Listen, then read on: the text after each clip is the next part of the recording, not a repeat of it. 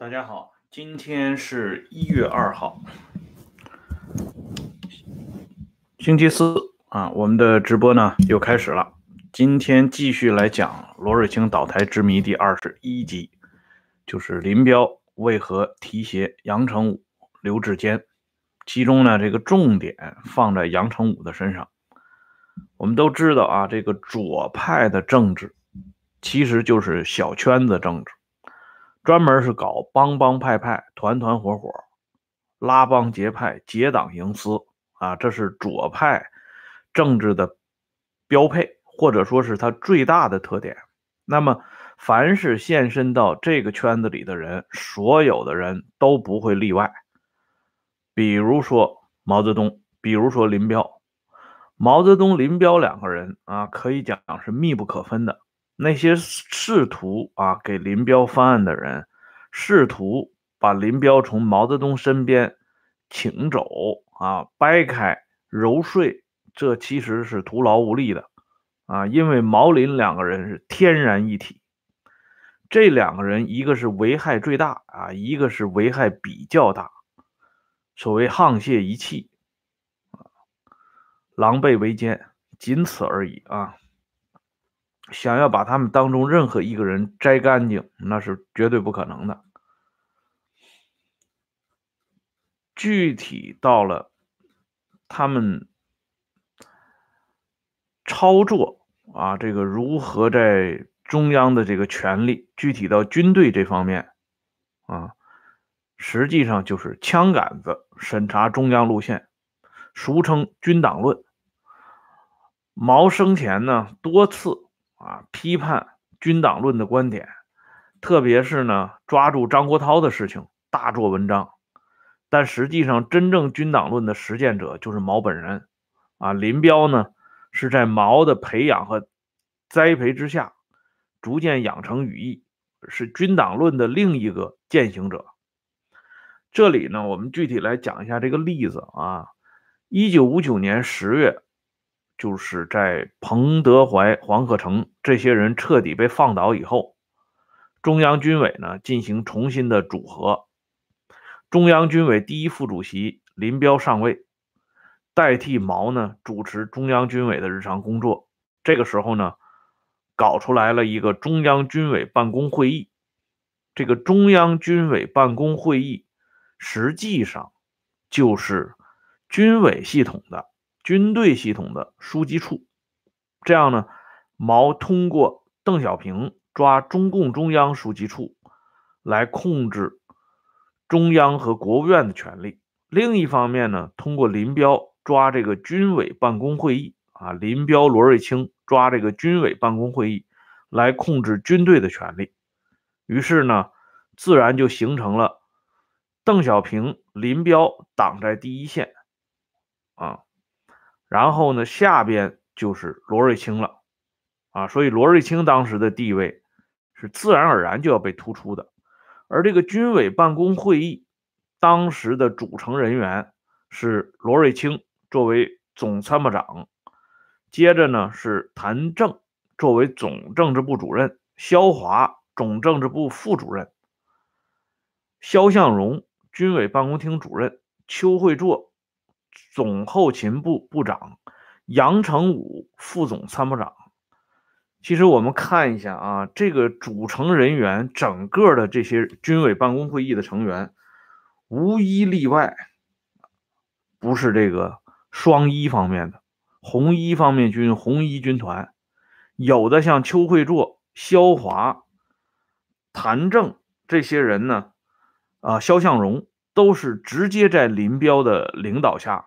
展开工作的啊，肖向荣作为中央军委副秘书长兼军委办公厅主任，肖向荣中将他在幺幺五师和四野的时候都是林彪的直接部下，那邱会作就更不用说了，这是一个明显的啊小圈子。原来的副总参谋长张宗逊、李克农、陈赓、张爱萍。彭绍辉这几个人呢，都被排除在外啊。原因很简单，张宗逊他本人虽然是毛的亲信，并且经毛提议，担任了中共七届候补中央委员，后来的总后勤部部长，并且张宗逊在反教条主义过程中呢是大显身手，在稍后的第一次庐山会议上呢表现也不错，但是此人与林彪并无太深的渊源。所以林彪没有把他摆到军委办公会议里边来。还有一个呢，我们都知道陈赓、李克农同周恩来的关系很深啊，特别是陈赓。况且呢，陈赓与林彪一向不睦啊，感谢袁先生打赏啊。而且呢，第一次庐山会议之后，当时有耳报啊，向毛泽东、林彪汇报说这陈赓啊，居然还同情。三反分子啊，就是后来定义为三反分子的彭德怀，所以陈赓是不可能被纳入到新的军委办公会议的。张爱萍和彭绍辉呢？那原因就更简单了，这两个人是三军团出来的，都是在彭德怀领导下的，自然也不会被列入到军委办公会议。但是到了一九六零年啊，彭德怀、黄克诚。基本上已经被肃肃清在军队中的部分影响了。于是呢，毛泽东和林彪为了照顾所谓的山头啊，照顾影响，又把张爱萍和彭绍辉两个人给请了回来。毛呢，甚至也说，张爱萍虽然在红三军团里边工作，但是这个人还是忠于党的。啊，所谓忠于党，其实就是忠于他嘛。啊，张爱萍就算着三军团的人，彭绍辉呢，毛泽东认为副总参谋长独臂上将彭绍辉可以算作红四方面军的。啊，这个算法是很奇怪的，因为这个彭绍辉，我们知道啊，他是很短暂的时间里头担任过红四方面军红三十军的政委。其实大多数时间都在红一方面军，更主要的是彭绍辉是五十几名上将当中非常少有的啊，甚至可以说是首屈一指吧。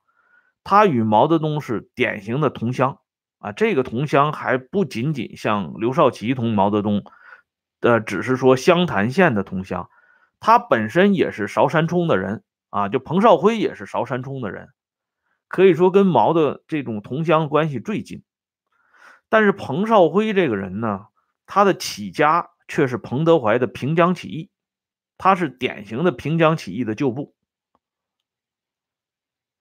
所以呢，毛泽东这个时候呢，决定让彭绍辉作为四方面军的代表回到军委办公会议里边，这实际上是对彭绍辉的一种安抚啊，毕竟是小同乡啊。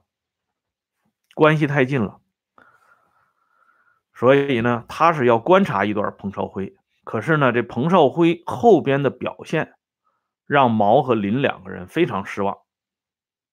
因此，到了一九六七年七月三十一号，毛泽东对杨成武做出一个指示，就是当时正值武汉七二零事件爆发，毛要求杨成武回北京召集。啊，就是向周恩来汇报，召集一系列的重要会议，其中呢，毛专门点了一个上将和两个中将的名字，就是这三个人不准到会参加任何会议。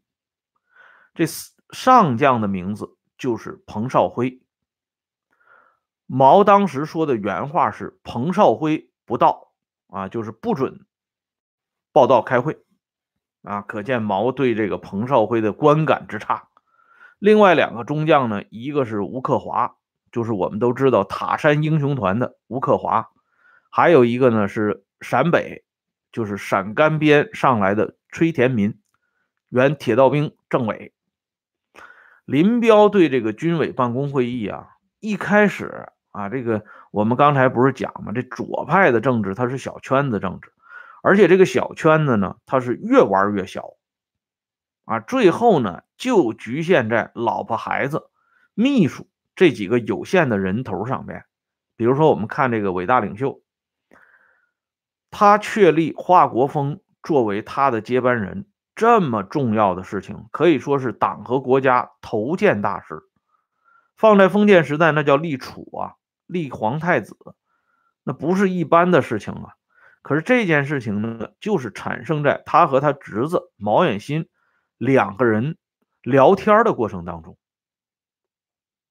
这就可以想见了啊。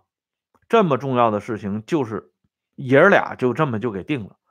而华国锋成为毛的接班人的这个消息，第一个是毛知情，第二个是毛远新知情，第三个是张玉凤知情，第四个是江青知情，第五个是汪东兴。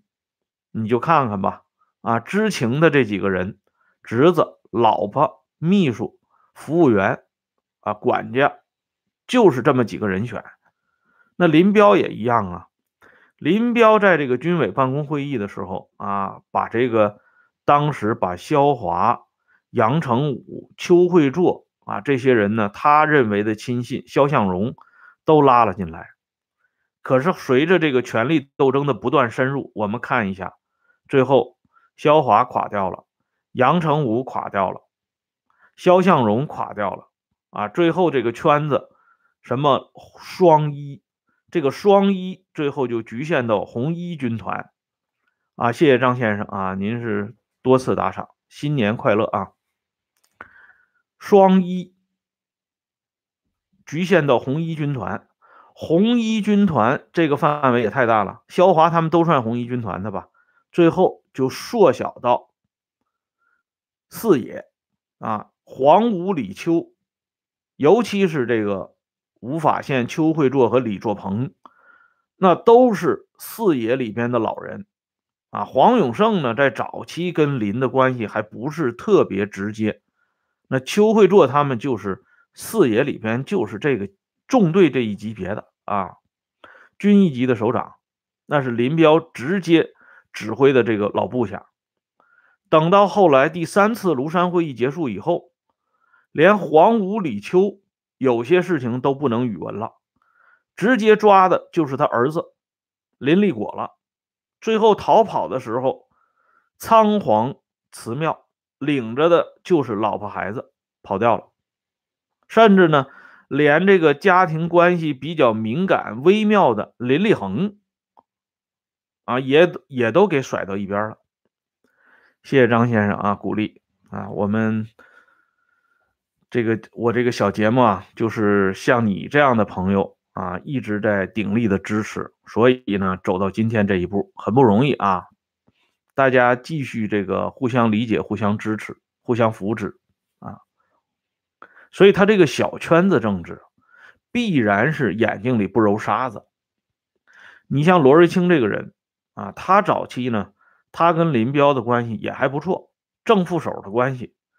可是随着这个事情的发展，罗瑞卿本人口含天线啊，就是说他是毛的重要亲信，他负责主持军委办公会议，作为总参谋长啊，逐渐活跃在第一线了。那么他也自然要拉一批人。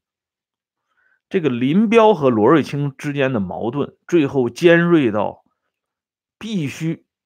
下决心分手的这个地步，你说什么突出政治啊、大比武啊、啊，还有这个解放军报南北稿之争啊，这些东西都是浮在表面上的。关键一点是人的因素啊，林彪是经常强调人的因素。这个实际上不光是林彪在强调，毛也在强调。毛晚年重用的都是红四方面军的人。按说这红四方面军是有前科的，陈锡联、谢福志啊，包括李先念这些人，当年都是张国焘的人啊。张国焘和毛是死对头，可是毛对这些人啊，对这些四方面军的人却弃瑕录用，特别放心的把他们摆到身边。六七年南巡的时候，他知道韩先楚在福州深陷困境。毛还专门让杨成武打招呼，说韩老谭要解放出来。那个时候呢，把韩先楚称之为福州的啊，福建最大的谭谭震林啊，所以给给他起个外号叫韩老谭啊。这些人都是四方面军的。问题在于什么呢？问题在于不是说你是四方面军的还是一方面军的，而是你在关键的时候能不能站到老大的这一边来，即所谓站到正确的路线这边来。毛泽东是这么看人的啊，林彪也是这么看人的啊。国内的朋友，我给你一个微信吧。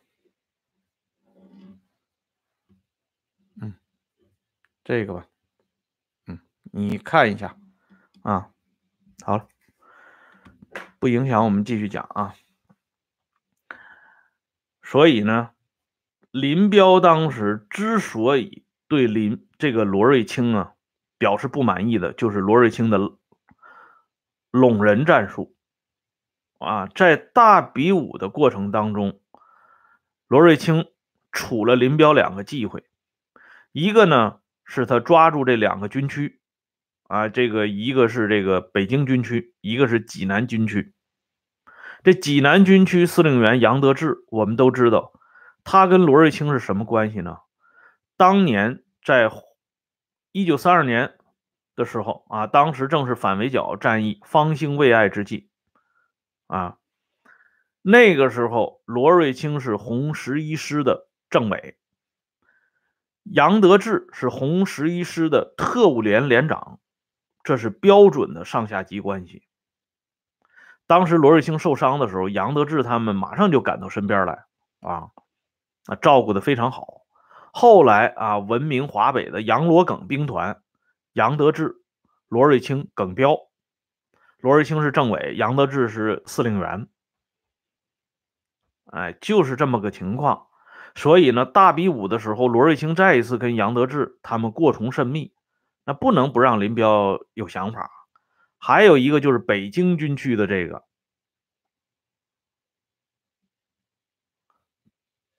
北京军区呢，这个二维码直接搁这上挂着，影响不好啊。这个谁愿意扫一下就扫一下啊，别搞得好像是像做买卖似的啊。我们这节目。说白了就是同号之间的一种交流啊！以前呢，我还愿意搁这个摄像头前面摆着这个东西，后来我觉得好像就是伸手跟大家要钱似的啊！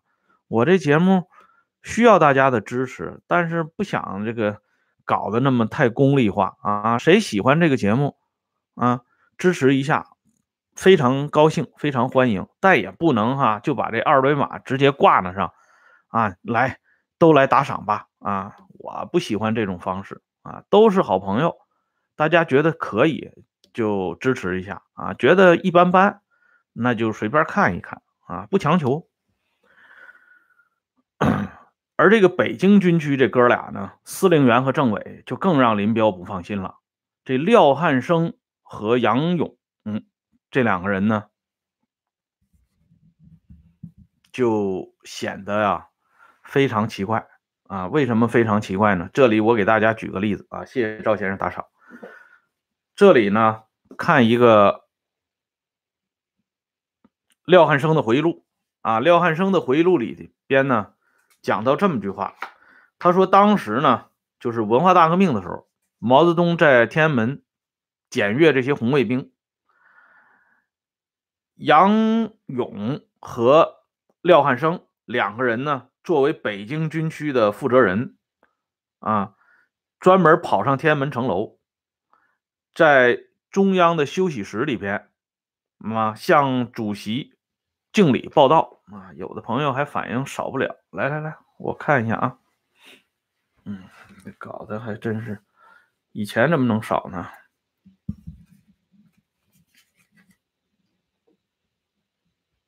这能不能少？嗯，行。哎呀，这公众号这是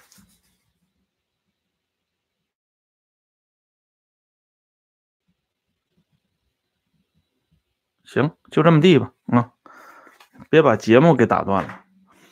这做节目是咱们的初衷啊。当时呢，毛泽东劈头盖脸的就说这个杨勇和廖汉生哎，你们要尊重林彪同志。啊，首先就提到这点，要尊重林彪同志。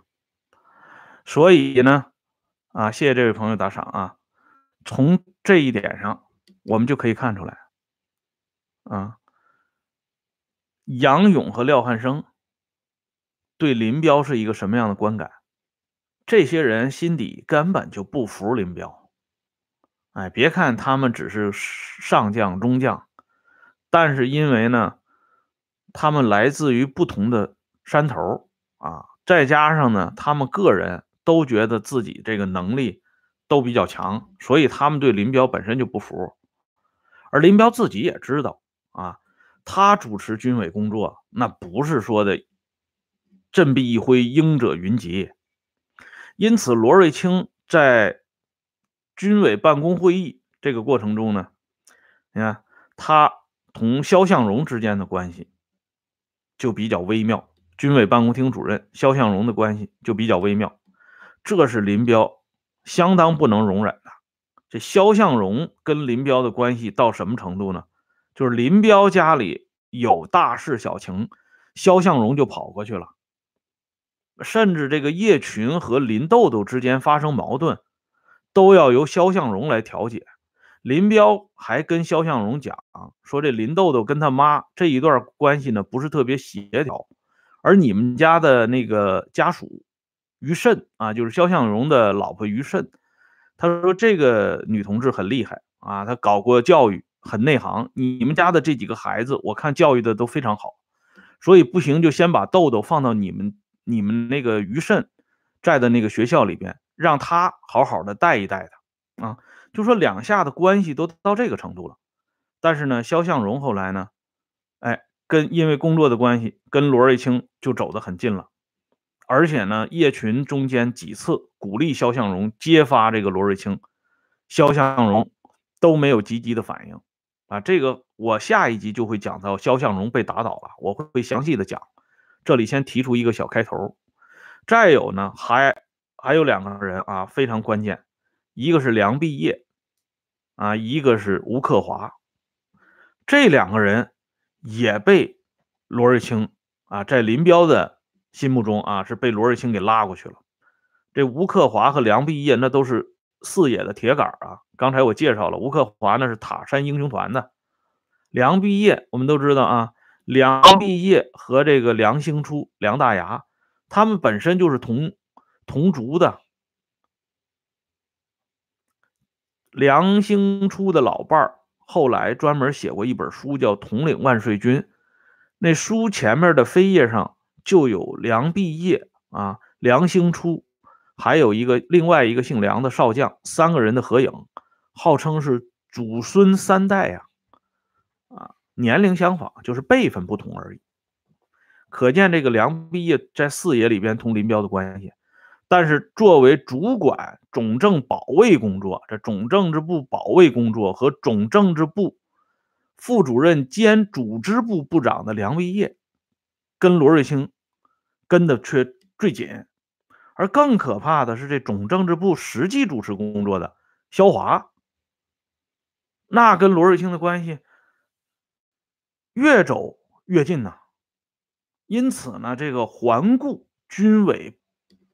办公会议啊，怎么办呢？啊，这朋友反应还是不行啊！我给你个什么微信吧，你可以加微信，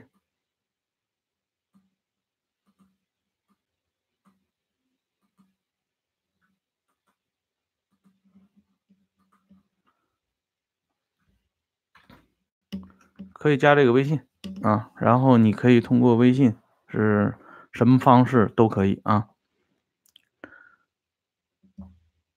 所以他环顾整个军委办公会议，林彪发现还真就是杨成武首选啊。今天咱们这节目多说十分钟啊，我先跟大家说一下，因为刚才因为这个微信的事情耽误了大家宝贵的五六分钟，要把这个时间补回来，要不然咱这节目就。相当于兑水了，那不行啊！讲的都是干货。他对杨成武呢就开始格外关注。这杨成武啊，也果然是不负众望啊，啊，不负林彪的期望。除开杨成武，还有刘志坚。这刘志坚呢，和杨成武这两个人有一个地方非常像啊，这两个人不仅是林彪看中的，也是毛泽东看中的。江青呢，一度对刘志坚非常关注。江青那个时候一见刘志坚啊，经常爱说的一句话就说：“刘志坚同志了不起。”主席经常跟我讲，刘志坚同志那是劫法场出来的啊，就是说刘志坚呢曾经遇险，后来呢逃脱啊，所以呢江青就用劫法场这个词呢来形容刘志坚。由此可以看出，毛江这对夫妇那个时候对刘志坚的期许。刘志坚呢，跟林彪、叶群跟的挺紧的。后来为了给叶群开路啊，专门总政派个工作组到下边调查大比武冲击突出政治这件事情，就是刘志坚来具体安排的。而江青呢，后边啊搞的那个文艺座谈会纪要，那也是刘志坚领着陈亚丁。啊，这些人呢一起在底下帮忙，所以这个时候呢，杨成武、刘志坚被林彪查选出来，作为取代罗瑞卿的备胎，而且呢，也就是在这个时候啊，罗瑞卿再一次的，或者说是进一步的触怒了林彪，具体是反映在几件事情上。一个呢，就是叶群啊，在下边呢搞报告的时候，叶群在参观二连这个连史展览的时候，他看到毛泽东、朱德在井冈山会师的油画，叶群突然就说出这么一句话啊，叶群是说不是那么回事就是说不是朱毛会师，不是那么回事叶群的原话是这么说的。不是那么回事儿，是林彪同志与主席会师，啊，这个话一说出来呢，底下人根本就不敢接茬了。而且这件事情呢，是发生在一九六四年十二月份。接下来到了六五年，官方出版的啊一些公开的带有标志性的出版物，比如说邮票啊、书啊什么的，就已经刻意的开始突出。毛泽东和林彪并肩作战、并肩合作的影像了。到了文化大革命之后呢？啊，我们看到那个油画干脆就改成了毛林会师了，而不是朱毛会师了。叶群到在一九六四年十二月份就能把这个话说出来，这个背景应该讲是深了去了啊，因为这肯定不仅仅是林彪的意思啊，林彪在那个时候还不至于张牙舞爪到那到那种程度。而没有特殊的批准，叶群不会突然冒出这种话来，啊，除非他疯了。到了十二月二十八号晚上，啊，林彪在广州就接见刘志坚和《解放军报》的副总编辑唐平柱。这个唐平柱啊，也是跟林彪跟得很紧的，所以呢。当时林彪就指出来了啊，就把这个比武把政治冲垮的这件事情就给指出来了。到了第二天晚上九点五十分，军委办公会议上，罗瑞卿赶紧传达林彪的指示，那不敢太耽误啊，因为在十二月二十八号林彪做出指示以后呢，刘志坚就赶紧打电话给罗瑞卿。说这个林总啊发脾气了，对这个大比武的事情呢非常不满意，啊，做了如下指示，我向你进行具体的这个传达。罗瑞卿听完刘志坚的话以后呢，首先就跟刘志坚说这么句话，他说：“那今年我们不等于犯了路线错误了吗？”这实际上啊，就是罗瑞卿这个人说话太不注意了，就是说这个人呢骄横惯了。啊，为什么这么说呢？刘志坚啊，他传达这个话的时候，其实就已经是表达了林彪对罗瑞卿的这套不满意了。结果罗瑞卿呢还反问一句，说：“那我们不成犯路线错误了吗？”这其实，在林彪听来啊啊，不要说在林彪听来，就在我们这些普通人听来，你这不就等于说对上级领导的批评有抵触情绪吗？再加上他面对的这个人啊，我们经常说不怕没好事就怕没好人呢。他面对的这个人是已经啊跟林彪跟得很紧的刘志坚了。所以刘志坚能不把这个罗瑞卿的态度，呃，转呈给林彪吗？更糟糕的是啊，我刚才说了，十二月二十九号晚上九点五十分的时候，军委办公会议上，罗瑞卿啊传达了林彪的指示。结果呢，他还多了一句话，这画蛇添足指的就是这意思。他多了一句什么话呢？他说：“我理解林总的指示是指局部的情况，不是指全体。如果那样，那就是路线错误。”他还来一番解读，啊，那林彪已经对这个大比武的事情表表明了自己的态度，然后呢，你对林彪的这个态度还来了一个张冠李戴，按照自己的意思啊来理解上级领导的指示，这不等于自己往自己头上扣帽子吗？所以这是罗瑞卿当时啊一个重要的疏忽，不管这个疏忽是有意的还是习惯形成的。对他自己来说，应该说都是给他自己的这个厄运呢，又添了一大块砖头。这还不算完，到了一九六五年，当时《解放军报》的元旦社论的标题是“把毛泽东思想伟大红旗高举更高举，使创造四好连队运动落实再落实”。这个社论呢搞出来以后，林彪对这个社论里边的。一些词啊、句啊什么的都很不满意啊，比如说这个社论里边就是还是讲推广郭兴福教学法、南京路上好八连、硬骨头六连等等。林彪就指示唐平柱他们，就是解放军报副总编辑唐平柱他们，把这些话呢都给删了。这样呢，这个解放军报一九六五年元旦社论就形成了南稿和北稿。两个不同的稿子，俗称的南北稿之争。怎么叫南稿和北稿呢？南稿呢，就是啊由林彪授意，由解放军报副总编辑唐平柱等人修改过的稿子，称之为南稿。因为当时在南方嘛，广州称为南稿。而在家主持工作的解放军报总编辑华南，根据罗瑞卿的指示呢，又起草的这个稿子叫北稿。这南北稿这个是有抵触的地方，那但是抵触的地方那肯定应该是谁嘴大谁官大就听谁的，哎，但是呢，在这个问题上呢，这个罗瑞卿又犯糊涂了啊！罗瑞卿直接给这个刘志坚和唐平柱他们打电话，说：“你们赶紧回来，你们不回来，两种意见碰不到一起，怎么办？”到了十二月三十一号啊，马上第二天就元旦了，报纸必须要见报了。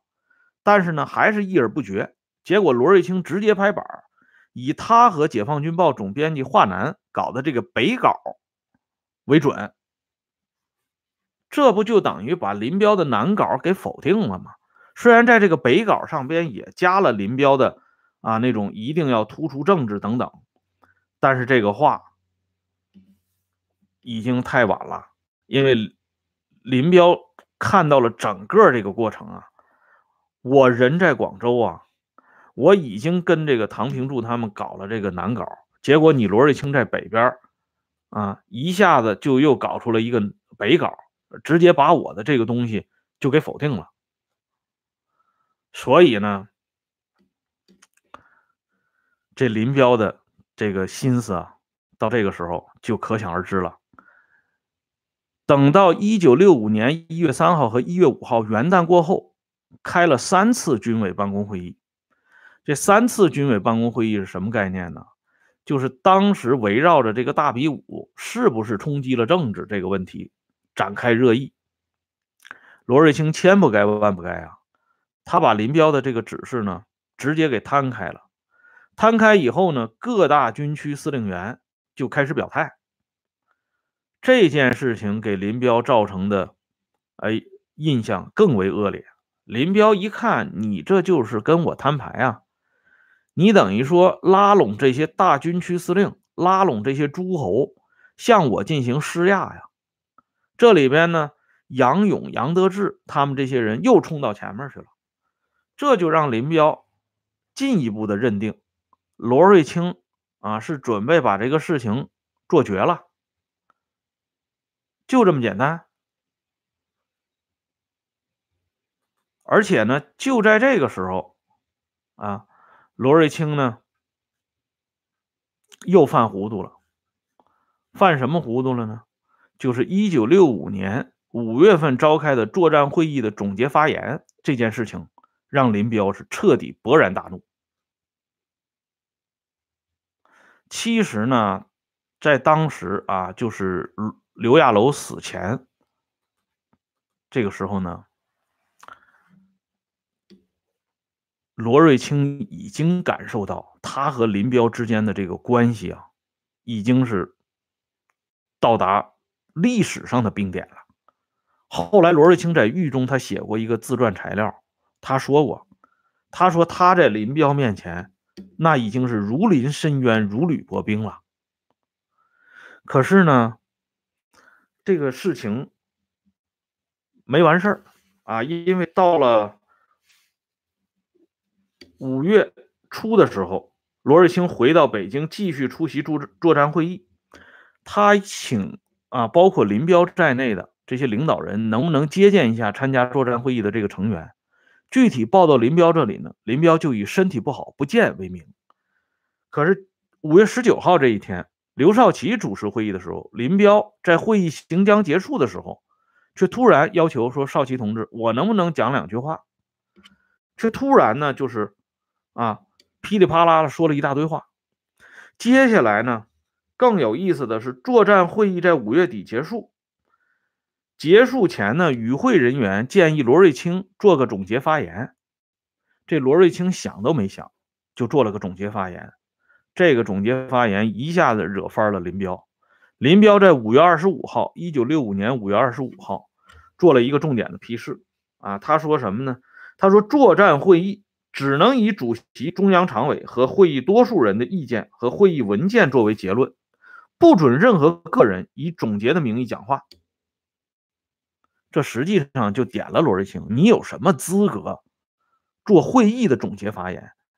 这个后来啊，罗瑞卿的秘书老秘书傅国珍，他有过回忆，他讲罗罗瑞卿的这个总结发言让林彪暴跳如雷。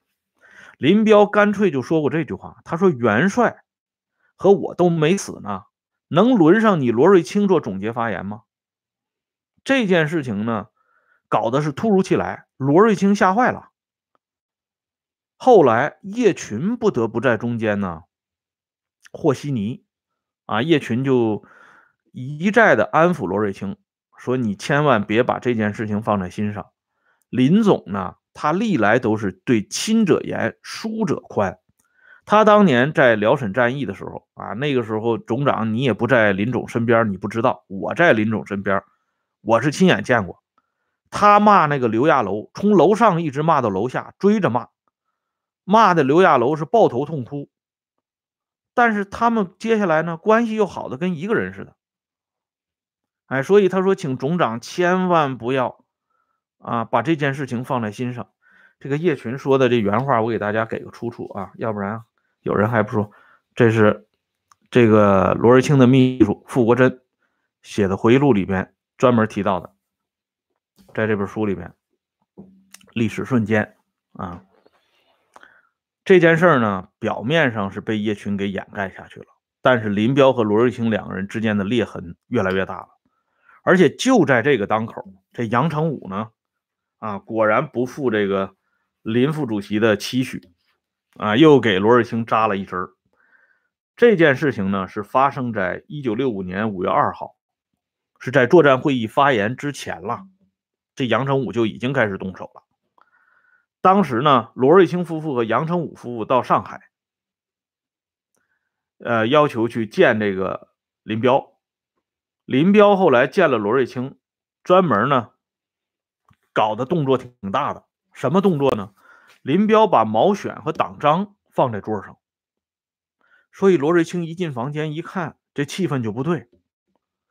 为什么把这毛选和党章摆到桌上呢？而且呢，林彪打开毛选，还念了有关加强请示报告的章节，又念了党章上有关组织原则的章节，这气氛非常森严。后来呢，林彪就给罗瑞卿直接点出来了，口授五条啊，这五条归结为一条，就是必须加紧啊，加强通气儿。说白了，你就得勤请示、勤汇报、勤跑腿儿。到毛家湾没人拦着你，你直接来找我。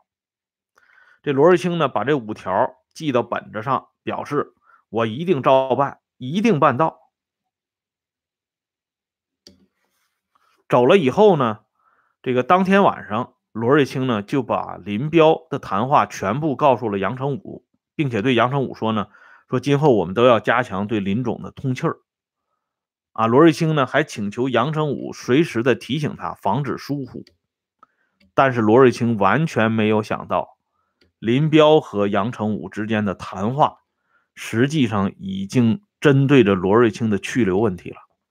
也就是说呢，在一九六五年五月份左右，这个时候，林彪基本上是下定决心走马换将，用杨成武来取代。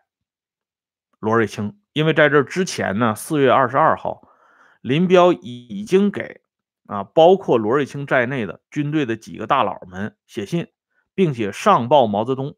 他跟毛泽东在四月二十几号啊，四月下旬有一次单独的见面啊，林彪直接就把杨成武的人选推了出来。林彪推荐杨成武担任军委副秘书长兼总参谋部第一副总参谋长。后来肖向荣倒台以后呢，杨成武又把肖向荣的职务兼了过来，兼军委办公厅主任。所以呢，就是说，一九六五年五月份，也正像罗瑞卿自己当时感到的那种，他与林彪之间的关系如履薄冰，如临深渊。那么说了这么多的话呢，这里我还想说一下，就是说一直以来啊，这个《罗瑞卿传》。包括罗瑞卿的家属、他的子女写的这些回忆录里边，都向我们强调一点，就是说，这个罗瑞卿没有直接冒犯到林彪，啊，是因为林彪呢疑神疑鬼儿，认为罗瑞卿夺了他的权，或者是呢，啊，影响了他的这个掌权，啊，拉人呢，啊，拢人呢，这些东西，客观上。给林林彪造成了这么个印象。我刚才讲的这些东西呢，也是包括了这些内容，就是说罗瑞卿是在有意啊还是无意，这个我们就不具体进行探讨了。但是客观事实上是罗瑞卿做的这些事情、说的这些话，已经严重的刺激到了林彪。不过呢，罗瑞卿有没有皮里杨秋、含沙射影的直接？啊，刺过林彪本人呢？党史教科书和罗瑞卿传的这些东西上面呢，都是持否定态度的。但是我们查考具体的历史，我们会啊发现一条，那就是林彪确实有这方面啊，就是罗瑞卿确实有这方面的言语，他确实是当着别人的面说过这样的话。这个话别说在林彪这么敏感的人听来，就是我们这些一干人等，在今天这个事情已经过去几十年之后，来听这个话，也会产生不一样的想法。那么罗瑞卿是怎么刺激到林彪了？接下来，军委副秘书长、军委办公厅主任肖向荣又是怎么被林彪搞掉的呢？我们明天来接着说。今天说的稍微有点长啊，感谢朋友们这么晚上来收看和收听，感谢前面几位朋友的打赏和支持，咱们明天接着聊，再见。